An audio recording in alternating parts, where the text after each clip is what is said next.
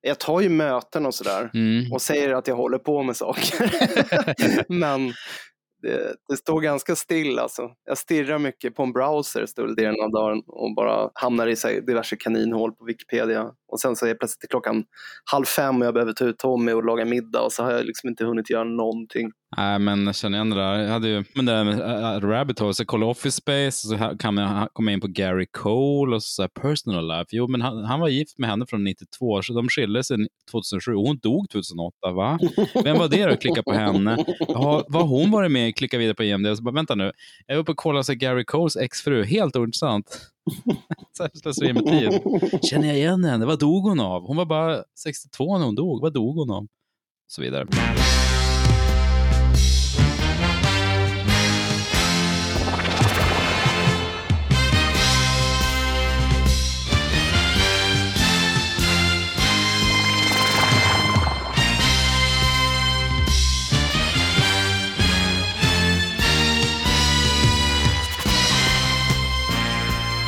Hallå och välkomna till Intresseklubben Antecknar, en filmpodcast av och med mig, Per Persson, och min gode, gode vän Jesper Viking. Jesper. Hur är läget? Ja men det är bra. Det är bra. Mm?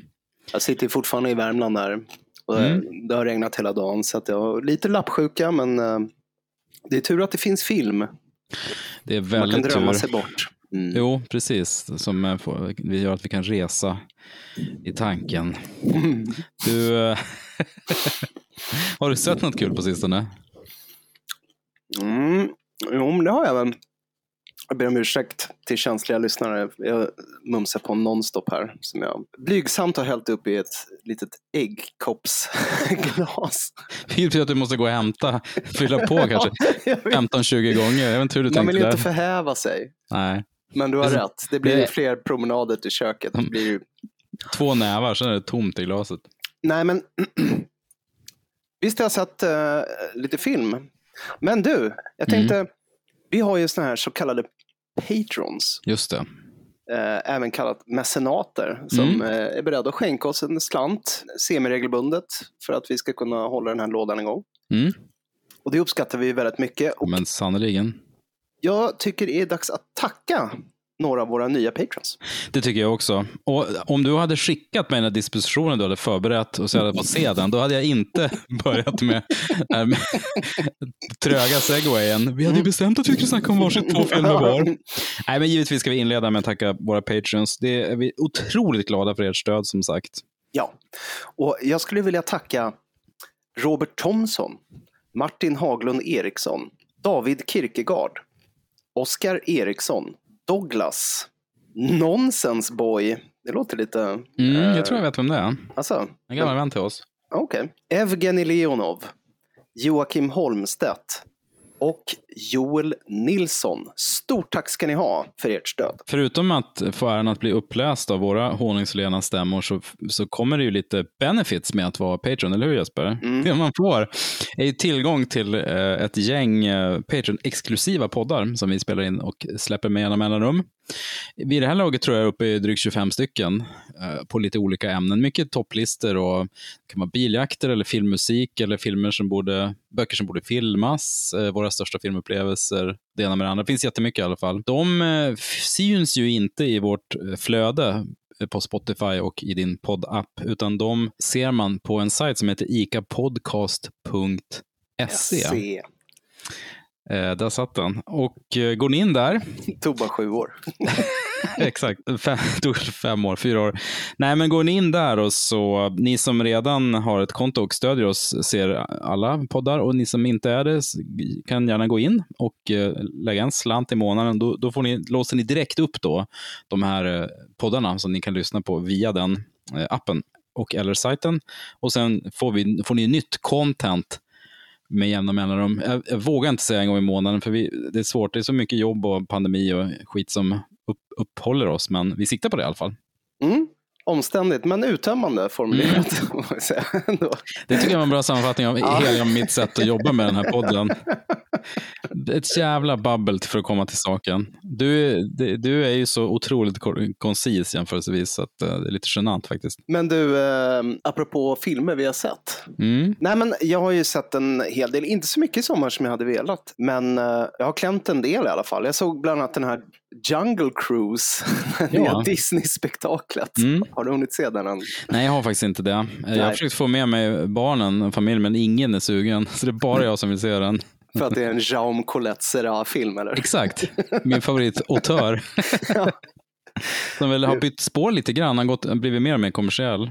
Ja, men, ah, kommersiell har han väl alltid jo, varit. Okej, okay, det har han alltid varit. Jag men kollar upp hans CV, ja. jag är inte lika bekant med det som du är, för att han har gjort så mycket sådana här ah, Liam Neeson hämnar-filmer. Mm. Sådär. Uh, men jag såg, han har ju gjort ungefär nio filmer sedan 2005, inklusive den här. Ja, oh, shit. Det är bra jobbat. There is a legend in the jungles of the Amazon of a tree that heals all. It could change the world, but if it gets into the wrong hands, could awaken a great evil. I believe that the legend is real. Which it's not. And I'm going to find it. Which you want. And when I do, just imagine the lives that could be saved. I've been looking for this tree longer than anybody. I've tracked the legend to every village, every island. Nothing. You're searching for something that can't be found. Jag vet inte, jag har, nu har jag som sagt inte sett alla, men det känns inte som att han har utvecklat någon signaturstil riktigt på den tiden. Sådär. Utan jag, jag får intrycket att han är lite av en sån här kille man ringer när det ska göras en uh, rälsburen uh, mainstream-film. Jo, det måste jag också säga. Hans första film House of Wax är ju ingen höjdare, men sen dess har han gjort ja, men, eh, flera sådana här ganska tajta Liam Neeson actioners. The Commuter, Run All Night, eh, non-stop, non och Unknown. Alltså, ja, titlarna är så generiska så jag snubblar på dem, men när Liam Neeson är sugen på en ny så här generisk action-våffla så bara, men vi ringer som Colessera. Så det är ju, så, men han har gjort den här fina high-thrillern eh, med Blake Lively också, The Shallows. Nej, men så att på ett sätt är det kanske logiskt att han nu får göra en, en Disney-rulle som bygger på en uh, theme park-attraktion, eh, uh, precis som uh, Pirates of the Caribbean en gång i tiden var. Ja, Alltså, hur var den då? De har ju tydligen en uttalad strategi Disney att de vill göra ett sorts cinematic universe av sina åkturer nu. mm. Så uh, vi kommer få se mer av den här varan. Det blir uh, konstigt, de gjorde ju Haunted Mansion för ett antal år sedan med Eddie Murphy, jag vet inte om du minns den. Den ligger på ja, Disney+. Plus. Ja, jag tror inte jag har sett den. Uh, den är inte jätterolig, men ehm, tanken är ju liksom långsiktigt att de ska vara på något sätt sammanvävda, de här filmerna. Men eh, den är väl lite som hans, alltså Colette Serras filmer i största allmänhet. Den är ju väldigt så här FMR. Den är underhållande men du vet, man har glömt den lagom till eftertexterna ungefär. Mm. Mm. Sen är det ju också ett manus som är så löjligt och överkomplicerat så att man baxnar. Den utspelar sig i, i sydamerikanska djungeln, Brasilien närmare bestämt. Och så behöver de bra skurkar. De kan ju inte använda nazister för då blir det för likt Indiana Jones. Då liksom mm. kannibaliserar de på sitt andra IP. Så tänker så här, ja, men fan, eh, djungel, så här dumma, ja, då, conquistadorer, det är bra, de var ju hemska och skövlade sådär, men mm. fan, de fanns ju inte eh, i början av 1900-talet så, äh, men de, de måste vara odödliga då på något sätt. Och sen så man liksom verkligen ser hur manuset har vuxit fram bara utifrån så här, krystade premisser. Mm. Med det sagt så um, är ju uh, Emily Blunt och uh, Dwayne Johnson, de har en sån, uh, precis den här typen av personkemi som är så här gemytlig och som funkar bäst i nutidens mer så här asexuella blockbusters. Mm. Där de framstår mer som goda arbetskollegor egentligen än, än att uh, vara kåta på varandra. Mm, mm. Om man tänker lite, för att den, den här filmen når ju emellanåt någon sorts tidig Amblin Entertainment-energi. Främst tack vare ganska långsamma, så här, uppstyltade actionsekvenser som du minns var ganska vanligt i slutet av 80-talet om man liksom tittar på The Goonies eller Hook och sådana här filmer. Så för ju det tankarna till vilka hade spelat de här rollerna då. Och då tänkte jag så här, fan, om det hade varit typ så Michael Douglas och någon bra brittisk skådis, typ Jacqueline Bisset eller något sånt. Då hade det nog varit eh, lite mer lustfyllt. Men den är ju liksom underhållande, det, det måste erkännas. Och sen är ju Jesse Plemons med som eh, någon sorts eh, tysk eh, kronprins Åh. som åker omkring i en ubåt. Och han är ju han tog ju scenerier i styv konkurrens från Paul Giamatti som en så italiensk båtägare. Men Plemons är så rolig för han gör en så uppenbar eh, parodi på Werner Herzog. Underbart. Vilket blir extra speciellt i kombination med Conquistadoren som är liksom en av skurkarna som heter De Agir. Då. Eh, så att det blir Mm. väldigt så här, märkligt, eh, märklig koppling bara till Herzog mitt i alltihop. Jag tycker om man har två, eh, två tre småbarn som är svultna på lättsmält underhållning, då är det väl värt 250 spänn kanske. Mm. Men jag ska nog inte lägga de pengarna eh, om jag var själv på Disney+. Plus. Utan hade nog kanske väntat tills den gick att streama faktiskt. Mm, när du börjar snacka om Amblin och Herzog. Jag, jag, väljer, jag väljer det jag vill höra. Ja. Ja. Jag sa något om att Amblin värde. Herzog och Jesse Plemons. Då blev jag fan sugen. Ja, men du vet, du, du fattar vad jag menar med det här, de här ganska stageade actionsekvenserna. Mm. Och det lyckades de ju med i of the Caribbean också. Men det som Gore Verbinski och, och framförallt Jerry Bruckheimer gjorde där, det var ju att bygga enorma scenerier som de kunde Mm. springa runt i. Och du vet så här, han står på en stege och den välter och han trillar Mm. ner och då rullar en tunna iväg. Du vet sådana där saker. Mm. Men i, i Jungle Cruise så är ju alla de här scenerierna, de lever ju på en hårddisk någonstans. Mm. Och nu jag in i min gamla Ja. käpphäst där igen. Here it comes. Vad är det, 20 Så- minuter in ungefär? Vi ska inte gå dit igen, men eh, du vet, det, det känns av. Det känns Ja. av att det är fake allting, det gör ju det. Mm. Eh, Så det, det drar ner det för mig, men inte nödvändigtvis för alla. Så är det. Nej, jag fattar, jag är ändå lite sugen. Jack Whitehall snackar många om att han är rolig. Mm. Var han Jo, bra? men absolut, han är kapabel. Han, eh, han gör en, en ganska perfekt så här, eh, parafras av Uh, Kommer du ihåg John Hannas rollfigur i The Mummy från 99 med Brendan ty- Fraser? Tyvärr gör jag det. Ja. Tyckte han var helt olidlig. ja, han spelar exakt samma rollfigur fast rolig. Mm. Och sen, eh, det får man ju ge den också, att hela manuset bygger på så här ganska unkna så här pappaskämt. Vilket är kongenialt med själva åkturen som jag faktiskt åkt en gång. Det är så här, då, då åker man i en flodbåt med en kapten som bara drar så här. Och nu passerar vi Albert Falls, uppkallat efter den berömda upptäcktsresanden Albert Falls. Sådana där grejer. Mm. Ja, ja, nu fattar jag. Som jag personligen tycker är lite fnissvärdigt, men, men det är inte allas grej kanske. Men de är väldigt trogna det i filmen. Du då, har du sett någon skoj? Ja, men när vi ändå snackar om Disney-IP så kan jag ju nämna Free Guy som jag såg eh, på bio häromveckan. Det är ju- Ryan Reynolds Ja, men precis. Det var ju från början en, en Fox-rulle vad jag förstår, men sen köptes ju det Fox upp av Disney. Mm. Och jag läste någonstans att det, det är den första filmen som Disney släpper på, nu minns jag inte hur många år det var, 9 år, 16 år, som är liksom ett original-IP. Som Mm. inte är liksom en sequel eller en reboot eller redan existerande. För precis som du säger, de, de går ju verkligen, dammsuger ju sin, eh, sin skattkista. Så när de gjort eh, liksom, så här datoranimerade remakes på alla gamla godingar som Lille Lufsen, då är nästa steg med de, de här eh, turerna då som du snackar om. Mm. Mondays, am I right, Joe? You said it, guy. Don't have a good day. Have a great day. Everybody down on the ground! Hey, bud, you ever think that there's got to be more? More than what? The stuff we do day after day. Being shot at? Run over? Taken hostage? Everybody down on the ground! Today's gonna be different. Hi. God, this isn't you. You don't do this, man. Maybe I do. Dude, this is scary. He's just resting. In pieces. That man is dead. He's so sleepy. Men Free Guy är ju mångt och mycket eh, Ryan Reynolds hjärteprojekt. Så den påminner ganska, den, den, den, man kan ju säga att den är en ganska liksom barntillåten version av Deadpool egentligen. Med Mhm. eh, lite, alltså in, absolut inte lika grovt. Eh, grova skämt, det skulle ju aldrig kunna flyga. Men Ryan Reynolds är så, blinkar så mycket till publiken hela filmen, precis som han gör i Deadpool. Så att eh, en skärva av hans ganska råa humor kommer ändå igenom. Den är ju regisserad av Sean Levy som verkligen också är Oh, wow. Apropå regissörer som, som inte lämnar något större avtryck. Han är ju verkligen så familjefilmsexpert. Ja svårt att säga att det finns någon röd tråd mer än att han gör jättekommersiella, väldigt eh, städade familjerullar oftast. Då. Jag är inte säker på att han har gjort det, men det känns som att han har regisserat åtminstone tio filmer med Queen Latifah Jo, och Steve jo, Martin. tror, ja, typ. men jag, jo, men jag tror fan det. är Så här, Cheaper by the dozen har han gjort till exempel. Och Han Ja. gjorde ju remaken på Pink Panther också med, Och med Just det, Steve det var han ja. Mm. Jo, det var, det var han. ganska kul tycker jag. Ja, första var ju faktiskt helt okej. Mm. Tvåan var inte lika bra, men eh, den, jag tyckte, jag satt och fnissade mycket åt första.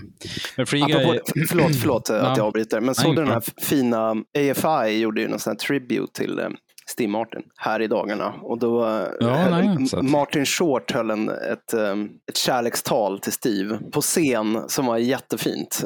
Det ligger på YouTube, det kan man kolla på. Det var det väldigt mysigt att se. två, två goda vänner sedan Mm. många, många år tillbaka. Apropå det är jag ju rätt peppad på deras nya serie. Serie. Ja, men Mm. precis. Den verkar vara lite så Manhattan Murder Mystery fast Mm.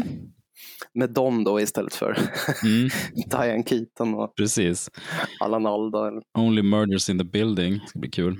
Ja, nej, men Free Guy är ju liksom, eh, eh, han spelar en NPC, liksom en, en gubbe i eh, ett tv-spel som är ganska GTA-influerat som inser det och så finns en, en parallell handling med två eh, nördiga dat- TV dataspelsutvecklare vars eh, hemska kompis som spelas av eh, eh, Taika Waititi har- snott deras koncept och eh, gjort ett eget spel som är så här råkommersiellt och superpopulärt. Och Taika Waititi är ganska mycket behållning. Han är så jävla vidrig som den här chefen. Det är Mhm. ett svin. Han är ganska kul. Man märker att han käkar ju scenerier som sagt, eh, apropå Diamant, eller apropå Plemons. Så att, eh, han är väldigt underhållande. Sen var det kul att se med mina tonårsdöttrar, för dels är de ju lite kära i Joe Keery då, som är Steve i Stranger Things. Du kommer ihåg han med Ja, som ja, ja. på glassbaren ja. i tredje säsongen med, med väldigt bra hår. Han Ja, så han var ju en av behållningarna med Ja, men visst. Ja, men särskilt tredje säsongen, han och uh, Uma Thurmans eh, Mm. dotter där hade, var ju, hade otroligt bra sparring. Maja. Just det. Så, och sen för deras del var det ju att eh, det är ju massa YouTubers med i filmen som spelar sig själva. Det gör de, jag tyckte de var jättespännande. Men jag tyckte filmen funkar även för en, en vuxen man som mig. I alla fall om man gillar, det är ju mycket så här eh, in-jokes om man gillar tv-spel Ja. som jag tyckte var roliga. Nej, men sen är det, det har ju påpekats i olika artiklar att det är lite ironiskt att det handlar, filmen handlar liksom om något som är originellt som bara sugs upp av en jättestor korporation som gör allt de kan för att kräma ur det och tjäna pengar på det. Det finns ganska uppenbara paralleller till Disney och sådär, men det får man ju liksom, det får man ha överseende med. Allting är hopblandat nu i vår postmoderna värld. I andra änden av spektrumet, jag såg ju den här Pig också. Ja, just det, Nicolas Cage. I'm looking for a truffle pig. Someone stole her. I don't understand. Tell who you are. You made the right choice being out there in the woods. There's nothing here for you anymore. There's really nothing here for most of us. Buy yourself a new pig. Han gör en sån eh, ovanligt nyanserad roll här på senare dagar. Det är bara att instämma. Den var jättefin. Den är, det är en debutfilm av en eh, snubbe som heter Michael Sarnowski. Väldigt självsäker debut måste jag säga. Vacker och, och Mm. stillsam och fin eh, rulle som handlar om en enslig tryffeljägare som heter Robin, då, spelad av Nicolas Cage. Som han blir bestulen nattetid på sitt duktiga tryffelsvin som han eh, bor tillsammans med och tar hand om. Och då tar han eh, hjälp av sin eh, främsta kund som är en eh, västlig ung kille som kommer och köper hans tryfflar. Som spelas av Alex Wolff som hade huvudrollen i Hereditary. bland Mm. annat. Han är också svinbra faktiskt. Mm. Men eh, då tar de eh, en roadtrip in till eh, storstan, alltså Portland, för att söka upp gärningsmännen då, för han vill ha tillbaka sin gris. Så att första akten är ju uppbyggd precis som en sån typisk hämnarfilm. Det är som Mm. John Wick eller Nobody. Men sen omkullkastar den våra förväntningar kring den genren totalt liksom, och erbjuder ja, men empati och, och förståelse istället för pistoldueller. Alltså, det låter inte jätteroligt men det, det är helt fantastiskt. Den är väldigt eh, fängslande. Mm. Och Nicolas Cage är faktiskt så här lågmält intensiv, du vet som man kan vara när han, Mm. när han eh, håller tillbaka det. Som den här sorg, nedtyngda eremiten Robin då, som är en före detta kökschef som har lämnat det världsliga bakom sig. Rekommenderas, tycker jag. Han är, ja, men, fan vad härligt. Han är ju bra på att spela sorgsen också. Ja, Cage. ingen kan uh, gestalta sorg och trauma Nej. som Nick Cage. Ingen slår honom på fingrarna där riktigt. Nej. Nej, det var väldigt roligt att se att han fortfarande, framförallt efter att precis ha sett den här uh, Willis Wonderland som dök upp på Ja, på Nettan någon ja. streamingtjänst. Ja, Mm. Eh, inte fullt så kapabel eh, rolltolkning. Nej, okej. Apropå eh, grisar så har jag sett en film som heter The Green Knight. Um, ja! Det var lite svag övergång, men Ja, lite. det här är ju verkligen A24-versionen av eh, liksom kung Arthur-legenden, eller legenden om Sir Gawain, som jag inte känner till faktiskt. Jag är inte jättepåläst.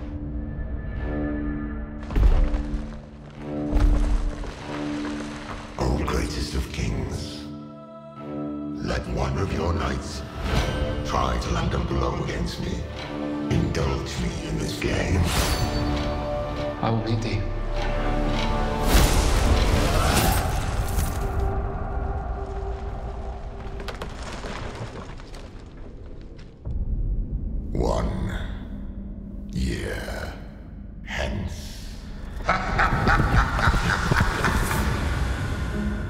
Studio that brought you Hereditary. alltså när, när man så här, ska lyfta fram en studio så tycker jag att det kan bli lite krystat ibland. Eh, För jag menar, en Blumhouse-film behöver ju inte vara bra och den är inte säkert den har ett kännemärke heller. Men i det här fallet är det otroligt liksom, rimligt för att det är verkligen så här hipsterversionen av Kung Arthur-legenden. För all, alla som gillar A24 och Ari Aster, för att i, i sättet den är berättad på, i musiken, i scenografin, så påminner den ganska mycket om både Hereditary och framförallt Midsommar, den typen av estetik med bonader och sådär. Det här är ju David Lowery som jag faktiskt inte har sett någon film av sen tidigare. Han, han är lite ny för mig. Han har gjort uh, ja, men Ain't and Body Saints och uh, The Old Man and the Gun med Robin Redford. Han är väl mest känd för A Ghost Story, det här dramat med Casey Affleck och Rooney Mara.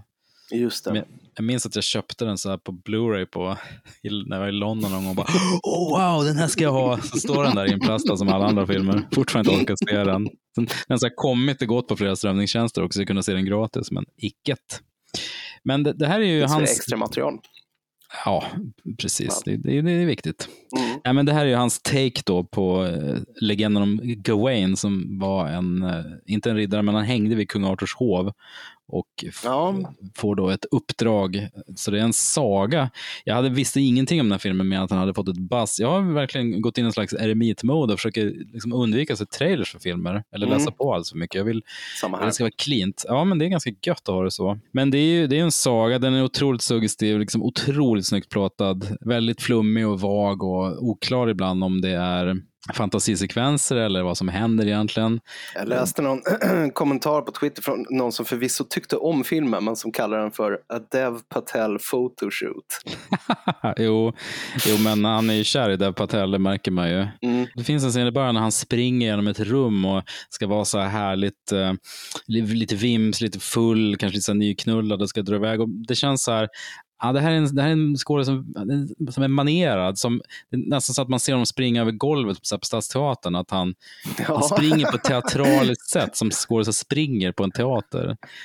Det var lite off-putting för mig. Men sen, sen tycker jag att han, i slutändan är han, är han jävligt bra. Och, eh, hans rollfigur förändras ganska mycket under resans gång, för det är verkligen en, en road movie, eller man ska säga. Han, han reser. Från början är han ju ingenting, han är en nobody, men han vill ju uppleva saker och sen får han kanske lite mer än han önskade. Så det är en lång resa han gör och han är en helt annan person då mot slutet av filmen, så han blir mer sleten. Den, den har parti- partier som är ganska svårbeskrivbara liksom och kanske lite sökt flummiga, men jag, jag tyckte om den ändå. Det är rätt härliga skådisar. Alicia Vikander med, Joel Edgerton spelar en jättekonstig roll. Och sen den här Ba- Barry Keegan, eh, kommer du ihåg honom från eh, The Ja, Killing ja, of ja. Sacred Deer och sådär? Absolut. Han är så jävla obehaglig. Han var med i Dunkirk också. Precis. Han, är, han har en liten roll här, väldigt bra. Och sen Sean Harris då, som kung Arthur och Kate Dickie som drottningen är, är ju en, fröjd att se. Så att, och den här filmen ska se på bio helst också, för ljudmixen är enastående. Mm. Det är den här Green Knight som dyker upp är så otroligt uh, mäktig och det är sånt knarr och knak när han rör sig så det, det bör upplevas. Jag såg den på lyckligtvis en pressvisning också där alla kritiker sitter så här lydigt knäpptysta och bara tar in också så att det var väldigt tyst i salongen. Men jag kan, jag kan fatta att man tycker den här filmen är ganska sökt och, och kokett. Men jag tyckte att den var rätt frän. Ja, nej, men jag är jättesugen på att se den. Jag har, Mm. eh, har ett vagt minne av, eh, jag har ju sett den här filmatiserad tidigare, den här historien, men då var det med Sean Connery som den gröna riddaren och jag tror det var Miles O'Keefe som spelade Gawain, du vet han spelade Tarzan i den här filmen från uh, tidigt 80-tal. Han har en sån här hemsk mm. sån här prins Valiant-frisyr. Mm, dalmas-frisyr. Men eh, jag minns det som ganska charmig. Jag, var, jag hade Mm. snöade in lite på så här arturiska legender en period där. Mm. Allting som du beskrev är ungefär vad jag hade förväntat mig. Jo. Nej, men så, så är det ju, går man in och ser en A24-film då får man vara beredd på att det är en A24-film. Jo, men precis. Jag vill, jag vill, det kanske känns lite töntigt, men jag vill helst inte säga så mycket om och lämna så mycket detaljer, för det är ganska skönt att se den helt clean utan att man sett. Jag kan tänka mig att i trailern får man se lite smakprov, för den är visuellt ganska vacker och det är en Han del är ganska vansinnigt snygg affisch. Mm. Den var ju väldigt väl genomförd i dessa tider också när nästan allt är floating heads. Ja, herregud. Det får man ge Jungle Cruise också, hade väldigt, eh, apropå Ja. tid, eh, tidig Amblin så hade den Ja, ja, ja. väldigt så här Struzan Otroligt mycket aktig Struzan. affisch. Mm. Ja. Det var inte han dock som har gjort den, men, eh, men det är en väldigt tydlig hommage. Alltså han är så väldigt tydlig på sin Facebook-sida att han har gått i pension. Det är inte alltid Ja. han som svarar, men varje, jag är inne där ibland och varje dag är någon som är kan du inte komma tillbaks, gör det här. Han bara, Ja. Is retired. Smiley, så här. Trött, trött smiley. Han, han, han är klar. Ja, han vill inte se en jävla gouache-tub någonsin Nej, igen i hela sitt liv. Ja, men vad härligt då, men då Mm. har vi i alla fall sett några värda filmer. Ja, men precis. Men idag så tänkte vi eh, snacka lite om eh, en film som knyter an lite till eh, ja, men återgång från semester. Folk har ju, är ju tillbaka på kneget så att säga. Mm, precis. Och då tyckte vi att det kanske var lämpligt att lyfta en gammal favorit från eh, 90-talet, det vill säga Office Space Ja, av Mike Judge. From Mike Judge, creator of Beavis and Butthead and co creator of King of the Hill, comes a movie about people who go to work.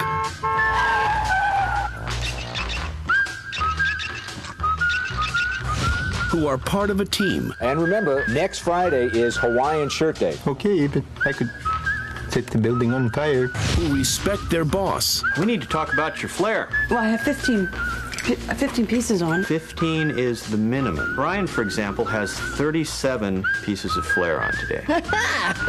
and a terrific smile. and need to escape. I don't like my job, and I don't think I'm gonna go anymore. One of these days, I, I, I just, I just kick this piece of. I'm thinking now it might be more fun to just get fired. And I've always wondered what that would take. Oh, Peter, listen.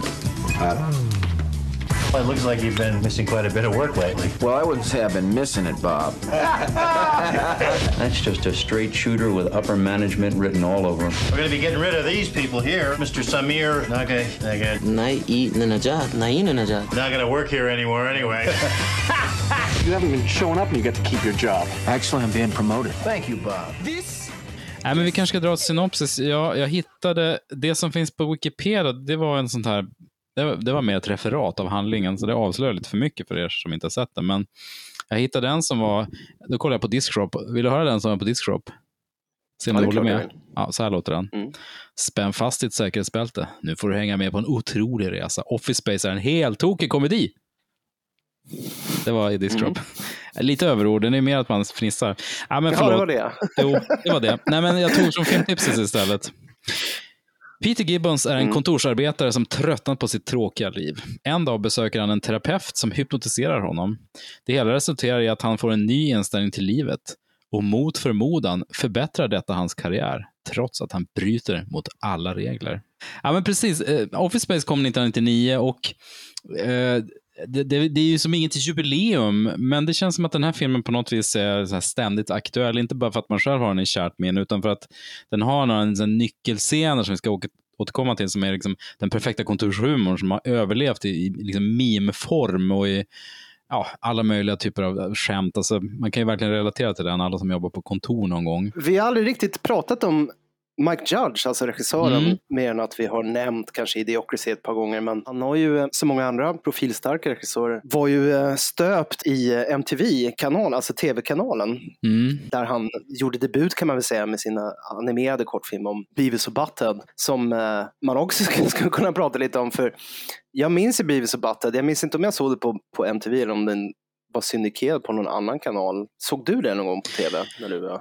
Jag satt och funderade på det. Jag, jag vet att jag såg dem. Som jag minns så såg jag dem på MTV Europe, att de körde det. Ja, eller hur? För jag tror att de körde liksom, eh, när det gick i USA var det ju var det liksom inlämnat.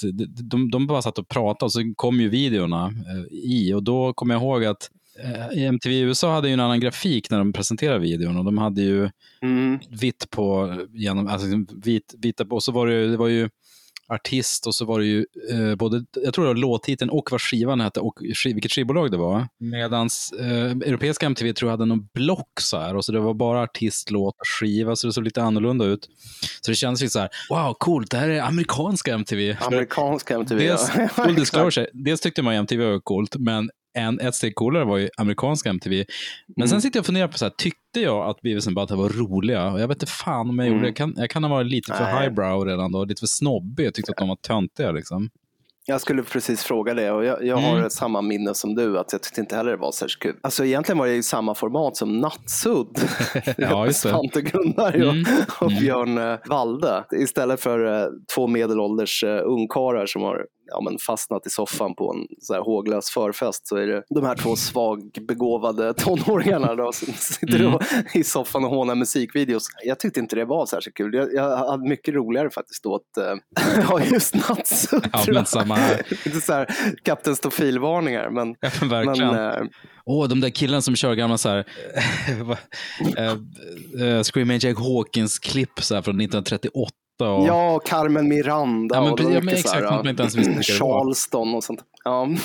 så att nej, jag var ingen Beavis and Butthead-fan. Men Jag tror jag var en Ja. SIP DN-läsare redan då. Så här, "Mm, ja, det här är väl Ja. inte roligt, det här är ansvarslöst. Det är väl inget kul Ja. att bränna, bränna ett hus. Här. Ja, Jag tyckte det var dum humor. Det, var för lowbrow för dig. det var ju det. Men uppriktigt sagt så det var ju inte så att, att det känns som att man hade slipat på manus i veckovis per avsnitt, utan de, de satt, det var ju väldigt repetitivt. Liksom. Och, men nu för att det var väl en del av idén att det skulle vara väldigt letargiskt. att Så att det händer ju jävligt lite per avsnitt. En 15-årig Per sitter med sin monokel liksom och vaxar sin, sin mustasch och gör poo-poo-ljud åt uh, Beavis and Butthead. MTV. Exakt så var det. Men han hade ju också en animerad hit med den här uh, King of the Hill. Mm. Och den var ju aldrig riktigt någon del av det popkulturella samtalet i Sverige som jag Nej. minns det. Det var främst en amerikansk affär. Tror jag. Jag tror det. Det blev aldrig någon stor grej i Sverige. Det, det sändes väl tror jag och det var ju så här från han som gjorde Beavis and Butthead men jag, jag, jag minns Det var då inte vi om jag loggade sett det. Ja exakt. Ja den dilettanten. Han är inte ens rolig. Nu ska jag gå en Ken Loach-film på Focus Bio istället. Den stämningen. Ja. Men kommer du ihåg sen så det? gjorde han ju... Va, förlåt, ja. Nej, men jag ska hoppa Sorry. tillbaka ett steg.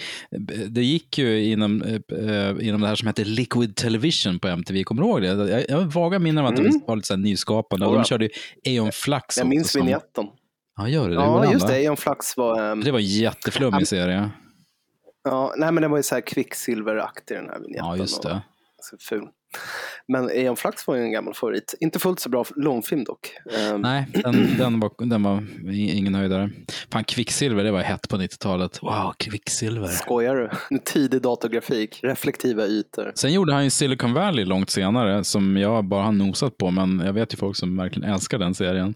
Men jag tänkte säga att Mike Judge, han har ju haft en väldigt, um, för att vara en långfilmsregissör, inte särskilt många långfilmer. Nej. Om man tänker på hans kontemporära, alltså de andra som, som fick sina stora breaks på MTV som ja, men Michel Gondry och Spike Jonze och Mm. fan David Fincher rent av. Han gjorde Mm. musikvideos från början. De har ju hunnit prutta ur sig en hel del. eh, Nej, men han, och jämför man med en annan så här kontemporär anim, animatör som uh, Seth MacFarlane så känns ju Mike Judge mer som en Mm. doldis. Eh, Eller också att man själv inte har nosat på honom så mycket. Nu har ju, i och för sig det har McFarlane gjort också, men Mike Judge har ju verkligen blandat spelfilm med, med animerat och mycket tv och sådär också som sagt. Men eh, alltså, Ja. Idiocracy eh, är ju en kul film. Den har vi väl uh, nuddat vid tidigare. Den blev ju sann också i allra högsta grad under Trump-eran. Däremot den här filmen Extract så vet jag fan om jag har sett det överhuvudtaget. Nej, det har inte jag heller faktiskt. Är det också en komedi då? Jag söker ju sällan upp komedier i ärlighetens namn. Det här har vi pratat om tidigare. Mm. Och jag vet inte varför riktigt det är så. Jag tror att det är också väldigt personligt med humor på något sätt.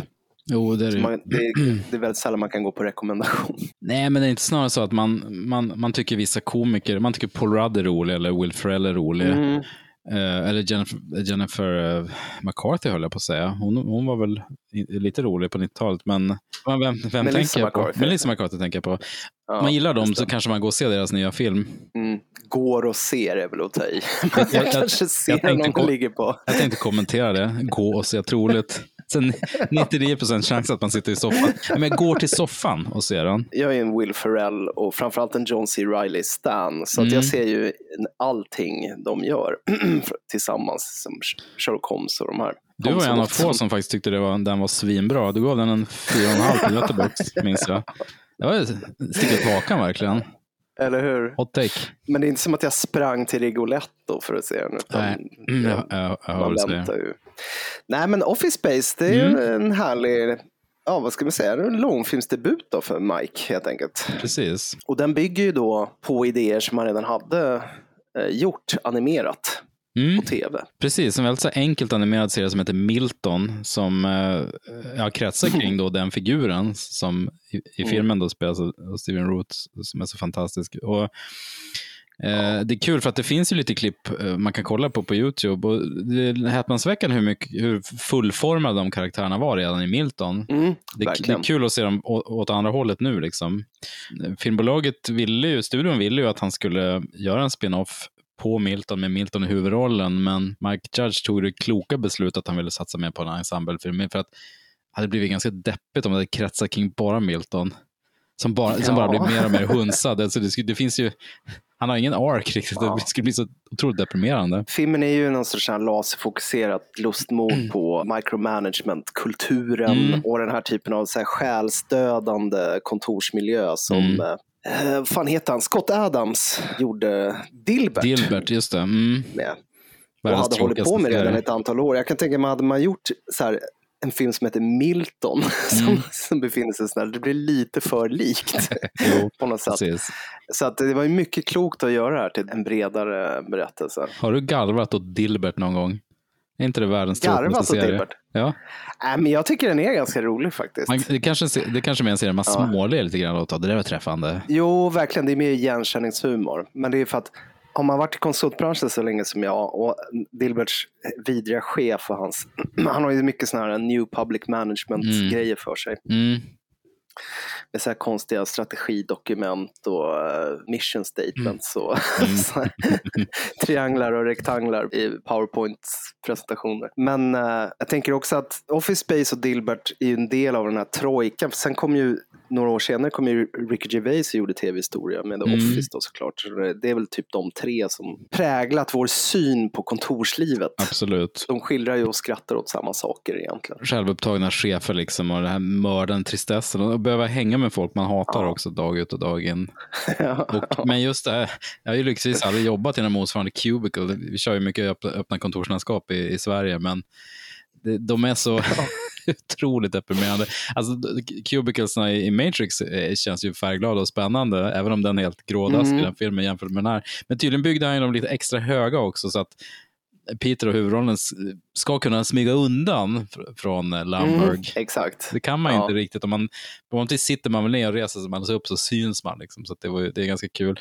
Det spär på känslan av att de är inspärrade också. Ja, det är en lustig observation för att när jag såg filmen så tänkte jag, fan, jag blev lite avundsjuk på de där höga kubikelskärmarna.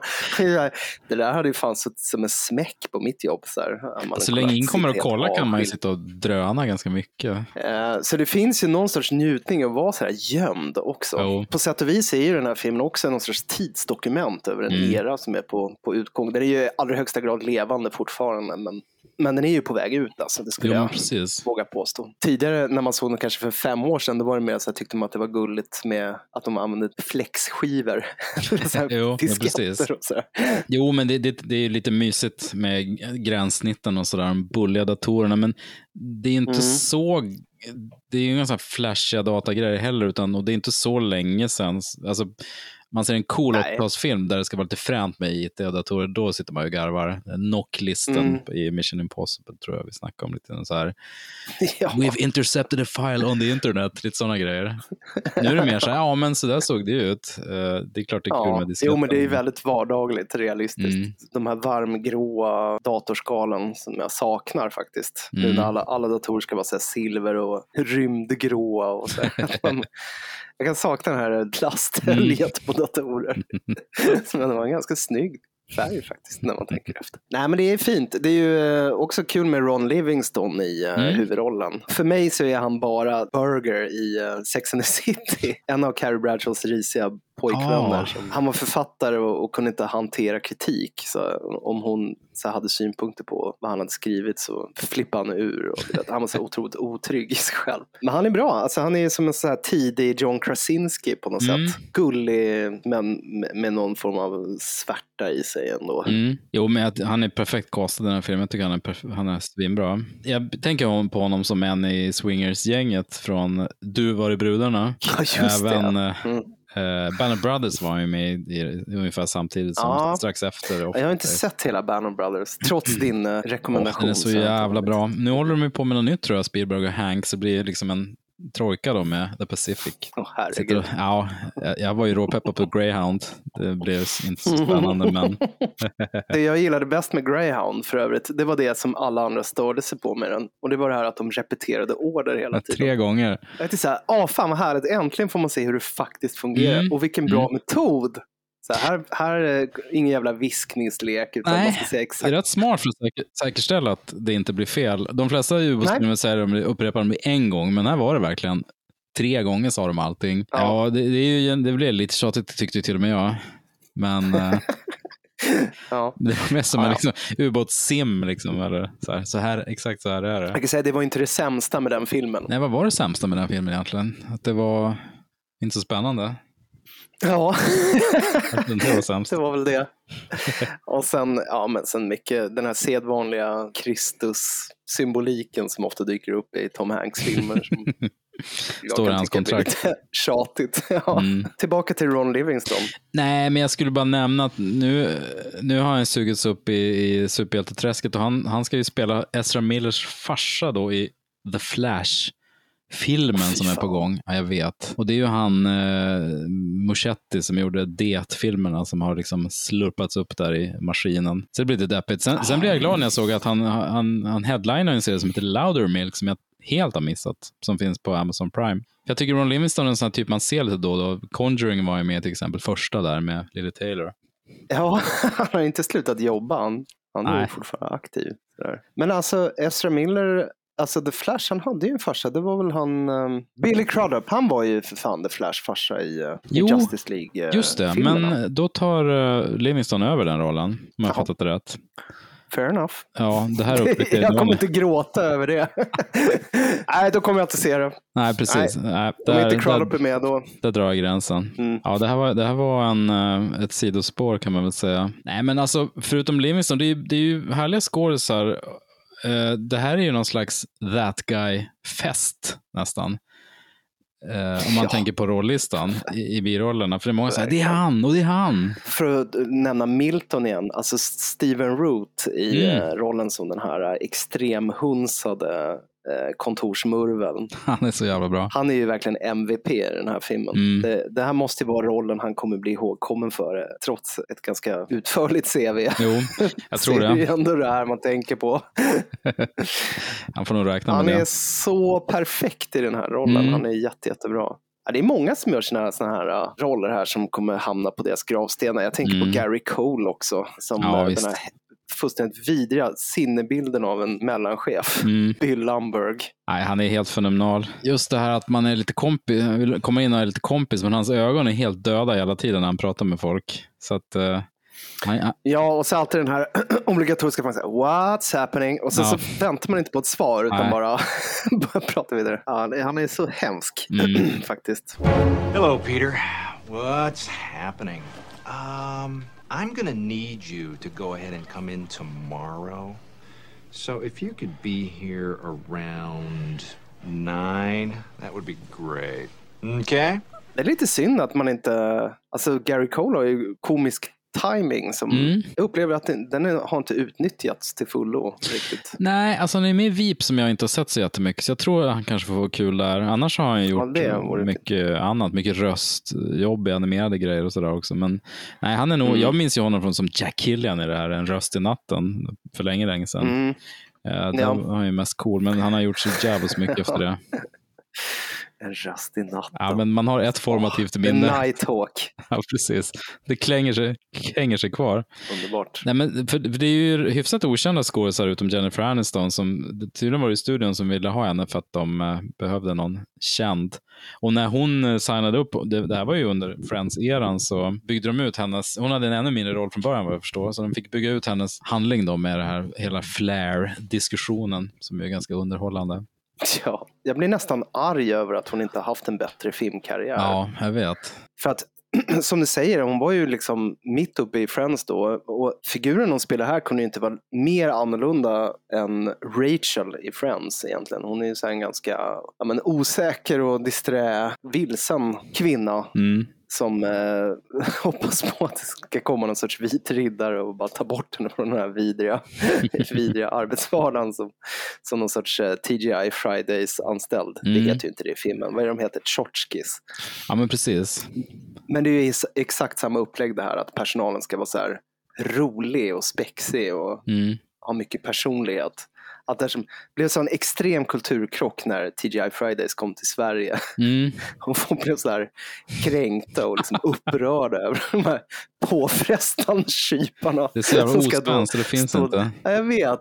Det där har ju liksom mattats av. För jag menar, nu tänker jag så här, såna här eh, vidriga ställen som Joe and the Juice, du vet när man går in Mm. och de bara “tjena Ja. maestro, läget, liksom, snygg Ja. frisyr”. Det där hade ju inte flugit för 20 år sedan, hade man fan vänt i dörren. Mm. Men nu tar ju folk det där liksom.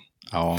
Men hon är ju så jävla bra i alla fall. ja, hon är kanon. Hon var ju, det, det framkommer väldigt tydligt när man ser den här filmen, att hon var ju som en sån här Kristen Wiig 1.0. Mm, det stämmer. Hela det här gänget, eh, och de är inte så kända. De har inte, det har inte hänt så mycket med dem, hans kollegor. Nej, men precis. David Jag. Herman och Alltså, Michael Nadu. Bolton. Ja, Michael Bolton. Ja. Så jävla bra. Nej, han har jobb hela tiden, här David Herman. My- mycket röstjobb i tecknat, men jag har, kan inte minst att jag sett honom i någonting annat än den här. Samma sak med Ajay. Nadu. Och det gör ju att den blir, filmen blir tidlös på något sätt eftersom man inte sitter och jämför med Ja. andra rollfigurer. Visste du att det är Mike Judge själv som är Jennifer Anistons chef på restaurangen? Nej. Det är han med fjantig mustasch och glasögon. Ja, visst, han är jätterolig. Och för, grejen var så här, vem är det? Han är ju kul. Och så kollade jag rollistan, så här, William King, undrar vem det är? Så glömde jag bort det. Men nu när jag googlade lite så ser jag att det var ju han under ett fejknamn. Jag, jag visste faktiskt inte det. För, för det är så kul här att du kanske vill ha mer flash, du kanske vill det. Så här. Det är inte så här, du måste, du, du, du, du vet det här förrädiska, att det, det är ditt val. Kräver att det här ska vara ditt val. Exakt, det är så det är. Kolla på din kollega, han har 37 roliga brickor Han är så jävla hängslen. rolig kollegan också. We need to talk about your flair. Really? I, I have 15 pieces on. I, I well, Well, okay, 15 is the minimum. Okay? okay. Now, you know, it's up to you whether or not you want to just do the bare minimum or, uh, well, like Brian, for example, has 37 pieces of flair on today, okay? A terrific smile. Okay, so you you want me to wear more? Look, Joanna, Yeah. people can get a cheeseburger anywhere, okay? They come to Tchotchkes for the atmosphere and the attitude. Okay, that's what the flair's about. It's about fun. Yeah. Okay, so more than yeah. Look, we want you to express yourself, okay? Now, if you feel that the bare minimum is enough, then okay. But some people choose to wear more, and we encourage that, okay? You do want to express yourself, don't you? Yeah. Okay, great, great. That's all I have. Överspänt Man kan glad. inte bara göra minimumregeln till 37 brickor då, så slipper vi den här diskussionen. Precis. Nej, men, men du ska vilja Ska ha vilja 37. det. Och sen är det så roligt att de, som de flesta sådana här vad heter det, affiliat eller regionala kontor så blir de ju alltid utsatta för nedskärningar. Mm. Och då kommer ju de här äh, effektivitetskonsulterna Mm. och intervjuar personalen. Jag blev så himla glad att se John C. McGinley som den här äh, Mm. Effektivitetskonsulten. För han får alltid spela sådana här äh, arroganta vidron, men och han är ju Ja, men hans paradroll. han, han är ju hemsk på många sätt här också. Men, men han är ju eh, på något sätt väldigt så här, entusiastisk ändå här. Han spelar ju lite off character Mm. som ett gammalt Scrubs-fan. Ja, men precis. Han är perfekt i Scrubs. Men vi- Men visst var han så här Lucky Charm till Oliver Stone i många filmer också? Kanske tidiga, typ så här Talk Radio och så, Wall Mm. Street. Jo, han, man blir alltid glad när man ser honom. Även om han och kollegan där, liksom onda, om man ska säga, utsända, så de grips av en sån barnslig förtjusning när de möter Peter och han är så apart från alla andra. Ja, för att han är, han är ärlig. det är Ja, väldigt ovanligt. precis. Han, han är inte rädd att förlora sitt jobb. Han Nej. behöver inte sitta och ljuga som alla andra. Men exakt, vad gör du här? Ja, men jag, Ja, jag tar beställningar och sen så lämnar jag över det till ingenjörerna. men skulle de kunna göra det själva? Så nej, de är Ja, inte bra nej, på att jag hantera gör- människor. Är ni dumma i huvudet? Fattar ni ingenting? Jag är jättebra. Jag har bra people skills, era jävla idioter. Blottar den här menlösa nonsensjobben som finns i många av de här sfärerna. Ja, det blir ju dubbelkul för dels så sitter han verkligen med näbbar och försvarar sitt jobb som i grunden är helt, borde vara helt meningslöst och inte så fulfilling så att säga. Men den skådisen, han Richard Reel som har den här jump to conclusions Matt som han hittar på som ingen tycker är bra. Han, han, är, också, han är verkligen sån guy. Jag kollade upp honom, han har ju 410 roller på IMDB. Ja, Alltså 410. Ja, jag har sett honom jättemycket. Jag kommer ihåg honom som den här vakten i The Fugitive i början av Mm. filmen, i den här fångtransporten, som ljuger om att han har blivit liksom attackerad. Själva verket var han bara klumpig.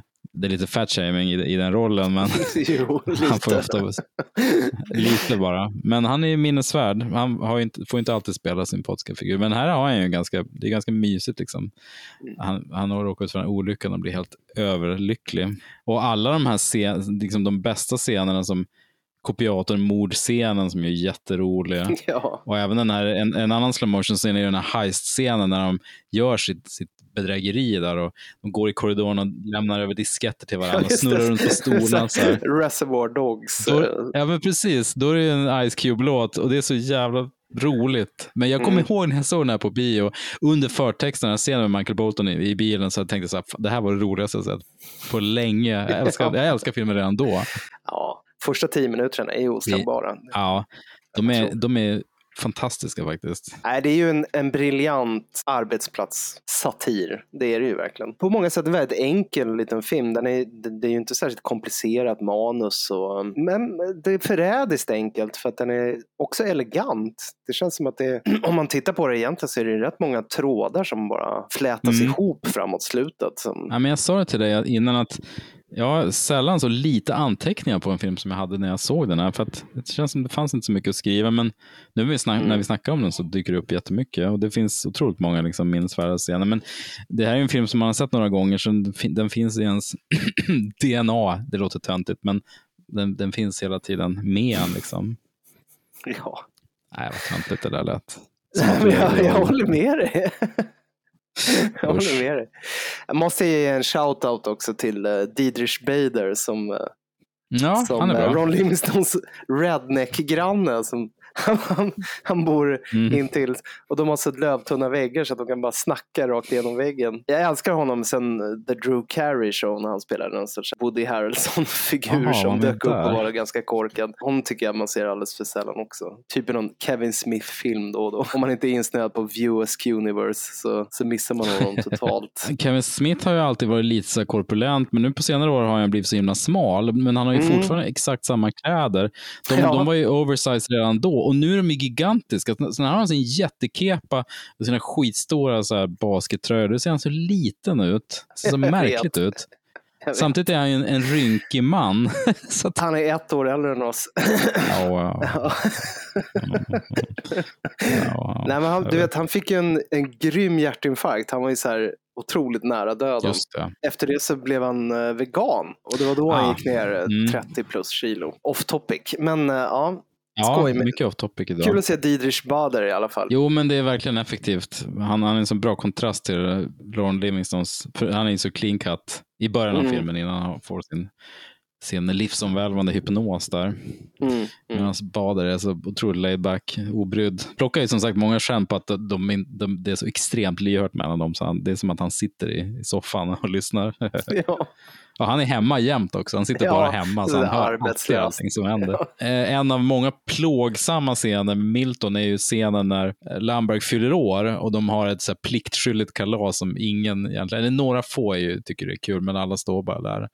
Och delar ut tårtbit efter tårtbit efter tårtbit och han, nej men skicka vidare, skicka vidare och till slut kommer och får han Sista, sista tårtbiten ger han vidare till en kollega och sen är det slut så här. Han bara, get any cake. Så tittar han så här, det är ingen som bryr sig om honom. Det är så hemskt. Det är inte roligt egentligen. Det var plå, bara plågsamt. Och Lambert är så sadistisk. Han, han verkligen bara förnedrar Milton, trycker honom Mm. längre och längre ner i, i helvetet, i Ja. källaren. Liksom. Den påminner mig också om ett klassiskt så här, Jim Gaffigan-skämt som man brukar dra på sin standup om när, just apropå så här, företagskultur, när, när någon fyller år på jobbet. Man var så här, Svensson fyller år, eh, samling i fikarummet. Så här, "Åh, hatar den här snubben. Men det kommer serveras tårta. Ah, borde kanske gå och säga hej, gratta honom. Ja, så enkel Så är man. man. Man känner igen sig. Men eh, ja, han är så jävla taskig. Han blir så extremt mobbad, eh, Milton. Så blir, Mm. Hans skrivbord blir bara flyttat längre och längre bort från, Mm. från de andra. Till slut hamnar han nere i, i källaren. I pannrummet typ. Ja, det kan inte bli värre. Utan lön också. Ja. Nej, Office Space, en liten juvel, en, en pärla och en, Ja. eh, värdefull att se om man känner sig eh, lite kvävd av eh, kontorslandskapet. Att man kanske inte har det så hemskt ändå. Som, eh, Det finns de som har det värre. Den Ja. eh, går också att se om med, med fördel. Finns Ja. nytt att upptäcka hela tiden. Men du, apropå eh, Gary Coles härliga slemmo Bill Lumberg, mellanchefen från helvetet. Ska vi inte lista Mm. våra bästa hemska chefer på film? Jo, men det, det kan vi göra. Bra. Kör några exempel. Men, eh, men ska man tänka liksom realistiska chefer då som man kunde möta eller ska man tänka mer så här Ja. Filmhistorien är ganska full av elaka gangsterbossar till, till exempel. Jag tycker det ska vara chefer i förvärvslivet och inte Darth Vader eller... Jag tänkte det. Nej, Darth Vader blir ju annars etta. Han, Ja. Är ju ganska dåliga arbetsförhållanden Adolf under honom. Liksom. kanske. I Der Untergang. Ja, precis. Vill säga, stel stämning i bunkern. Alla så Ja. livrädda, trycker sig mot väggen. Så här. Ska han sluta skrika snart? Gud han skriker om Xbox kontra Playstation. Ja, men, jag, några jag tänkt på det är ju Mark Zuckerberg eh, i ja, Social, Network. Givetvis. Ja. Precis. Mm. Eh, oaktat hur han är som chef på riktigt, han verkar ju inte vara en sån jätteskön typ hur som helst, men Jesse Eisenberg spelar ju honom så otroligt eh, bra. Och Mm. han, det känns verkligen som att han har för stora byxor på sig hela tiden, eller för stora skor. Han är ju Ja. allmänt ganska oskön. Eh, Ja. ja, kom ihåg snacket när den släpptes, hur uh, folk så här, Åh, det här var ju väldigt så här, uh, osympatiskt porträtt och undrar om Zuckerberg kommer att stämma Sorkin. Och det var mycket sånt där Mm. snack då. Mm. Men så här i, i kölvattnet av Trump-åren och, och Q-annons tillblivelse och allting så känns det där porträttet nästan sympatiskt av Mark Zuckerberg. Att han framstår som ganska mänsklig ändå i sin otrygghet och, och sina liksom, fobier och, och sådär. Ja, liksom, essensen i filmen känns ju väldigt förenklad. Det är som att han bara är så här, ja, en kärlekskrank kille som har typ av sociala, proble- eller, pro- sociala problem eller sociala utmaningar med att uttrycka sig själv. Nej, men eh, min, min tvåa skulle nog bli, tror jag, Mr Potter i It's a wonderful life. Ehm, han är så jävla elak. Nu Ja. får man kanske inte se honom hur han är som arbetsgivare, men han är ju någon slags, verkligen som en Scrooge-figur, fast i, i dagsljus. Han är så otroligt missensam, liksom, krokig och gnatig och sen när han, hela den här affären med pengarna och brevet som han hittar, kuvertet där som han undanhåller för att förstöra livet för James Stewart. Det är, så otroligt missensamt och småsint. Det är inte nog med att han, han, är, han, han, han är ju redan miljonär, men han måste ändå knäcka alla. Så att man kan tänka sig att han är en ganska hemsk eh, chef, en oförglömlig figur. Ja, det var fint ändå att du valde honom över just Scrooge, för det hade nästan varit för eh, arketypiskt Ja. på något sätt. Nej, men det jo, men det- kanske han, han är också urtypen. Mm, mm. Nej, men sen, min etta måste bli eh, Mr Burns eh, i Simpsons. Nu är det en tv-serie, men jag kommer ju undan eftersom det Finns finns det en film i alla långfilmen? fall. Ja, exakt. Det gör ju det. Men Montgomery Burns är ju...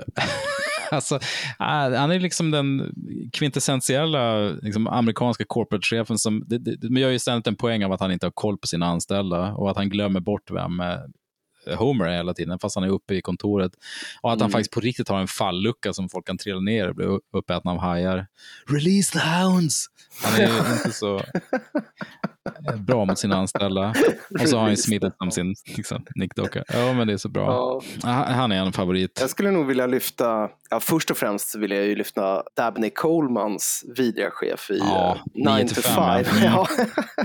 Det är svinbra. tre kollegor gör en, en gemensam eh, intervention då mot sin uh, oerhört Mm. kränkande chef. Han är verkligen som en så här perfekt posterboy för metoo-rörelsen. Ja. Och han gjorde ju en mindre karriär på att spela den här typen av skithögar. Liksom. Men jag kunde lika gärna ha valt Tootsie, ärligt talat, för han spelar ju mer eller mindre samma rollfigur Mm. där, fast han är någon sorts tv-regissör istället. Man måste ta tillfälle att lyfta Dabney Coleman som i mitt tycke var en, en underbar så här, eh, skådespelare på 70 80-talet som aldrig riktigt eh, fick några riktiga huvudroller, men han var alltid så jävla solid. Han hade också den här unika förmågan att vara rolig och samtidigt osmaklig. Så att man, man både avskydde honom och, och, och han fick en att skratta samtidigt. Vilket är en, Mm. en, Mm. en sällsynt begåvning. Plus att han, han såg ju verkligen ut som en... eh, han har den här... Ja, men apropå urkunder till så här Ron Burgundy i Anchorman. Han hade den här Mm. perfekta mustaschen och det här lite arroganta mm. utseendet. Komisk timing.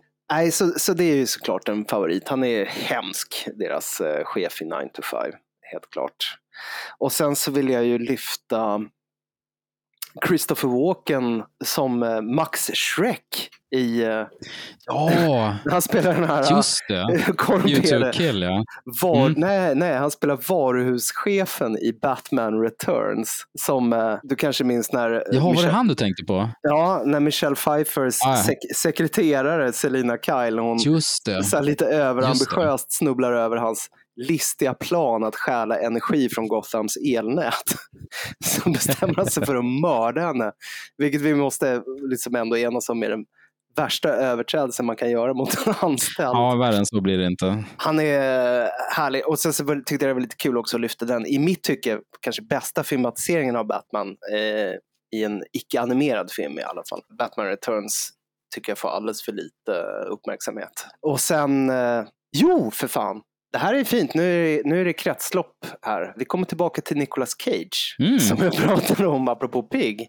Och han, har gjort, han gjorde ju en film eh, som, heter, som heter Vampires Kiss som kom 1988. Den, ja. Mm. När, han, eh, när han spelar en, ja också en sorts mellanchef eh, i, i förlagsvärlden om jag inte minns fel. Som går ut någon kväll och träffar eh, en kvinna på en bar och de eh, har sex och hon eh, biter honom. Och då eh, får han för sig att han har blivit eh, en vampyr. Så han blir väldigt så här, aggressiv och får hallucinationer och, och börjar eh, psykiskt misshandla sin sekreterare spelad av Maria Conchita Alonso. Och det är, alltså, hans nedbrytning av henne är eh, mycket plågsam. Men den filmen är, rekommenderas verkligen till eh, Mm. de som har eh, upptäckt och frossar i en otyglad Nicolas Cage. För att han, eh, han, har, han är helt gränslös i Vampires Kiss. Och en fruktansvärd chef. Det finns ju otroligt många memes också på, på, från den filmen. Jo. När han, eftersom han är så crazy den. Ja, men jag, jag tror faktiskt inte jag har sett den, jag måste göra det. Ja, men det här var den här fasen av hans skådiskarriär när han gjorde, när han var, var lite, gjorde så här Johnny Depp-val när han skulle börja prata med ljus, gnällig röst och han höjde Mm. axlarna och skulle vara så här krummig. Du vet, han gör ju någon sorts imitation av, eh, vad fan hette han, Eh, Nosferatus godis? Ja, Shrek helt enkelt. Apropå Christopher Walken. Ja, Max Schreck ja. Mm. Ja, det är väldigt eh, njutbart. Paul Newman i Hudsucker Proxy minns jag också, men Ja, han, är kanske inte el, han är kanske inte så elak, men han är en ganska dålig chef. han, Han är så en dålig chef. på verksamheten. Jag såg om The Game faktiskt här bara häromkvällen. Ah. Nicholas Van Orton, alltså Michael Douglas, är inte superbra chef också, men heller, men han är mer en ganska vidrig människa som är helt hemsk mot all serveringspersonal, mot alla andra människor egentligen, så att han, han Ja. passar mer under skitstövel-epitetet. Sen Ja. tänker jag att vi ska snacka mer om The Game i en senare podd, så vi spar lite på den. Hasse Alfredsson som Ja, godsägaren John Höglund i Den enfaldiga mördaren. För han är fan en vidrig boss, får man säga. Han är, Han är hemsk. en sann sadist. Ja, det handlar inte om pengar. Så det. Det är principen. Precis. Åh, den scenen med NP Möller, den, den har vi pratat om förut tror jag, men den Ja. är otroligt Äh. Alltså, ja, den är... Enfaldiga mördaren är hard to watch faktiskt emellanåt. Mm. Mycket tack vare, alltså han är riktigt bra som ett, eh, Ja, ett jävla svinbra. svin, Hasse Alfredsson. Ja, nej men det var Ja, väl bra. härligt. Det var en bra liten lista, tycker jag. Det är väl fint. Ja, det var väl det. Och i eh, nästa avsnitt så tänkte vi, uh, ska vi tisa lite här Per? Då, Mm, eh, oj, spännande. Ja, då rör vi oss över till andra sidan av pölen och tar oss an en av modern tids profilstarka engelska regissörer. Oh, Mm. spännande. Blir du allt bra Tycker vi i alla nyfiken? fall. ja, Vem är det? Vem är det? Säg! det tar Du vi får säga till mig innan vi spelar in vem det är. Ja, vi får göra det. absolut. Ja, men härligt. Tack för att ni lyssnade och tack återigen till våra Patreons. Eh, ni vet vilka ni är för ert eh, stöd, vilket vi som sagt är otroligt glada för. Härligt Jasper, men du har det fint i din cubicle på jobbet så hörs vi snart igen.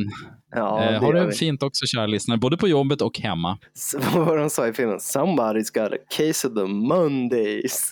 det är Precis. återkommande vidrig kommentar. känner igen det. Ja. Mm. Ha det fint så länge Per. Och ha Yes, det fint kära lyssnare. Vi hörs.